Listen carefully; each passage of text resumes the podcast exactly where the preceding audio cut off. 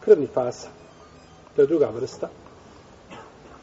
Nifas je krv koja ističe iz ženog organizma zbog poroda. Zbog poroda. Nema najniže granice. Složena ulema kada bi se žena očistila nakon 5, 10, 15 dana nema krvi da je šta?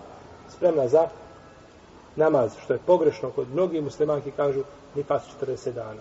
Kako je 40 dana ako curi šta? Krv ako ističe, onda do 40 dana. A ako je prestala 20. dana, ti se moraš okupati i moraš početi sa namazom klanjati. I dozvoljeno je Znači da klanjaš, da postiš, da učiš Kur'an, da ti da muž, muž opći s tobom, da nikakve veze nema sa 40 dana. Pa su to pobrkali. To su šta? Pobrkali.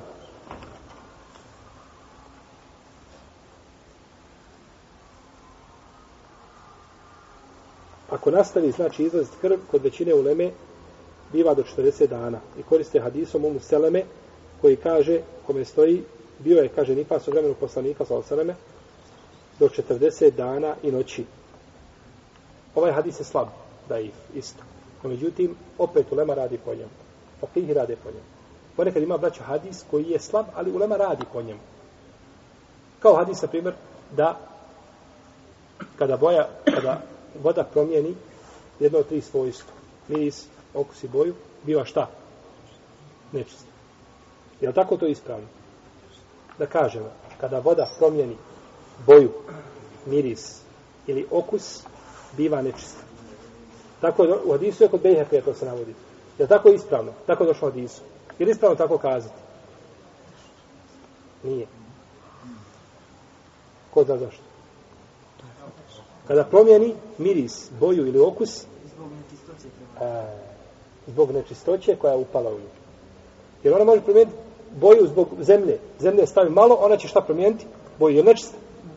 Nečista nego biva nečista kad promijeni miris ili boju ili okus zbog nečistoće koja je upala, e tada biva nečista.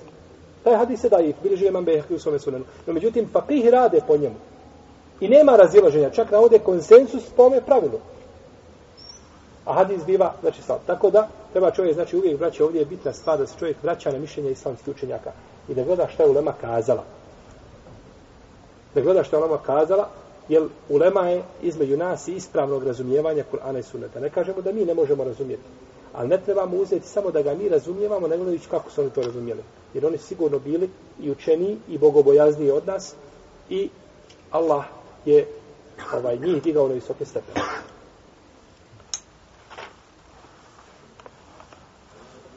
Ulema je složna da su pitanja nifasa kao pitanja hajba po pitanju propisa hajz i nifas su znači isti po pitanju propisa. Šta je dozvoljeno jednoj, dozvoljeno je i drugoj. Šta je dozvoljeno jednoj, dozvoljeno i drugoj, znači isti su propisi. Osim što hajz ne ulazi u u iddet, u pričak. Žena nakon razvoda ima šta? Priček. Tri mjesečna ciklusa, da kažemo, ti čista perioda, kako hoćete, s odno u leme. I to se računaju šta? Svaki hajse tu računa. Dok se po pitanju ni fasa ne računa. Kada je, dok je priča po pitanju ni fasa? Dok ne rodi. Žena koja je puštena, kada je trudna, njen je pričak dok ne rodi. Kad rodi, gotovo je. Tako da tu pitanje ni fasa ne ulazi kao pitanje hajza, jeli po pitanju ajdeta. Tu je jedina razlika.